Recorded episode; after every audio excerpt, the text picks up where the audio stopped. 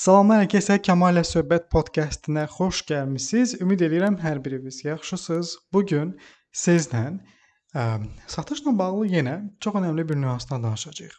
Hər dəfə də bu başlığı elə başlayıram ki, sanki elə bir başqa bir mövzudan danışacağam. Amma elə podkastın adından da göründüyü kimi mən sizlə satışla bağlı praktiki və şəxsi təcrübəmdən qaynaqlanan məlumatlar ilə sadə dildə çatdırmağa çalışıram.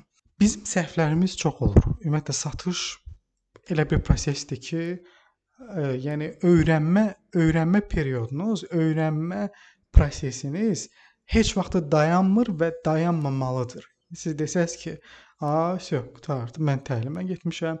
İndi hər şey yaxşıdır." Ə, evimiz yıxıldı onda. Yəni onu heç vaxt o cür qəbullanmaq olmaz. Mütləq və mütləq hər daim inkişafa yönümlü işlər görməliyik. Satışa xatir olmasa da öz bioloji, yəni xüsusiyyətlərimizə xatir. Çünki insan bir bioloji varlıq olaraq daima yeniliyə və həyəcana açıq bir varlıqdır. Çünki siz evdə bir küncdə oturub artıq bəsdir, mən bacardım dediyiniz anda siz çökmüsüz. Bu insanın yaradılışına ziddir. İnsan hər daim ayaq üstə hərəkətdə olmalıdır, inkişafda olmalıdır. İnkişaf dediyimiz də yəni mütləq çox qazanmaqdan söhbət getmir. Maddi və mənəvi inkişafdan söhbət gedir. Həm maddi, həm də mənəvi. İndi sözümüzün canına keçək. Bu motivasiya podkastı deyil. E, mən bəzən görürəm, baxırsınız ki, indi mən hal-hazırda korporativ təlimlər verirəm və yaxud da individual təlimlərim olur və insanların şikayətləndiyi bəzi nüanslar olur və həmin o nüanslarla bağlı sual verib daha da dərinə gedəndə aydın olur ki, əslində bu adamın şikayətləndiyi əsas məsələnin qaynağı elə bu adamın özüdür. Məsələn, mənə deyir ki, Kamal, nə bilim, filan şirkətlə əlaqə keçmişdim. Ha gözlədim, nə bilim, potensiallı şirkət idi, görüş yaxşı keçmişdi, amma ki alınmadı. İşte alınmadı. Bu adam artıq qaraları bağlayır, keçib ağlamaq moduna. Və sual verirəm ki, oldu. İndi sırada başqa kim var? Başqa kimlə danışıqlar aparsan? Bir başqa heç kim. Elə bu şirkətə bu şirkətə biraz enerji ayırmışdım.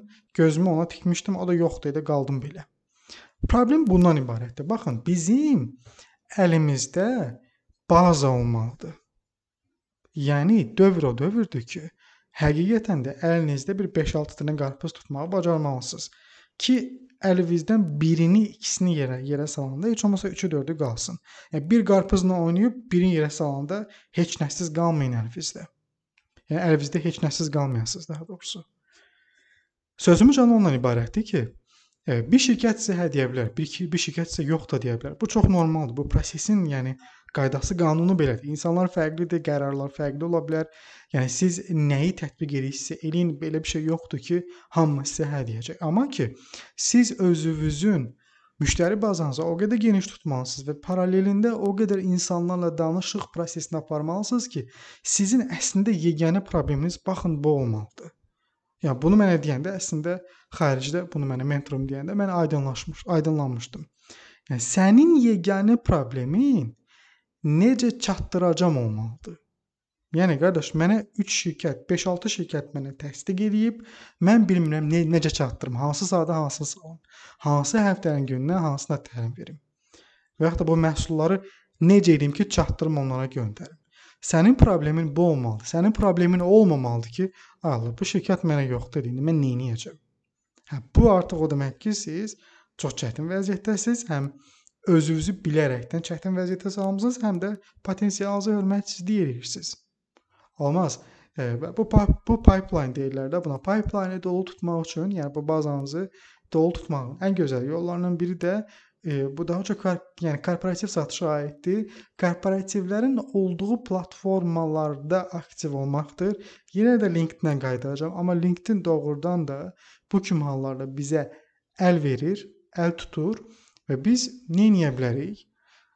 Məhsul satdığımız şirkətlərin hesablarını LinkedIn-də tapırıq və onların qərar verən şəxslərini LinkedIn-də araşdırırıq. Onlara bağlantı göndəririk, əlaqəyə keçməyə çalışırıq Bir şey deyim sizə, çalışın ki, görüşlərinizin sayını maksimum dərəcədə artırın. Görüşlərin sayı çoxaldıqca onlar arasında təsdiq edən şirkətlərin sayı da artacaq. Biri var mən həftədə cəmi 3 görüş keçirim. Onlardan biri ikinci görüşə hədiyəsən və yaxud da təsdiqə hədiyyə yox, Allah bilir. Bir də var mən günə 3 görüş keçirirəm. Bu həftəyə eləyir 6-cı gündə işləsən, həftəyə eləyir 18 görüş. 18 görüşdən 5-ini 6-sı, 5-i və yaxud da 6-sı hədiyəsə, yəni o 3 görüşdən daha yaxşıdır. Elədirmi? Ona görə də e, görüşlərinizin sayını artırın, data bazanızı o dərəcəyə gətirin, çıxardın ki, necə çatdıracam sualı sizin yeganə probleminiz olsun. Və bu belə də olmalıdır. Heç vaxt bir şirkətə e, bel bağlamayan, yəni bütün yumurtalarınızı bir səbətə yığmayın belə desək, düşdüsə hamısı qırılacaq. Ona görə çalışın ki, enerjinizi e, strateji cəhətdən bölə bilərsiniz. Çox sağ olun dinlədiyiniz üçün. Ümid edirəm ki, sadəcə olaraq bu podkast bir ideya olaraq sizin üçün faydalı oldu. Hələlik özünüzü qoruyun.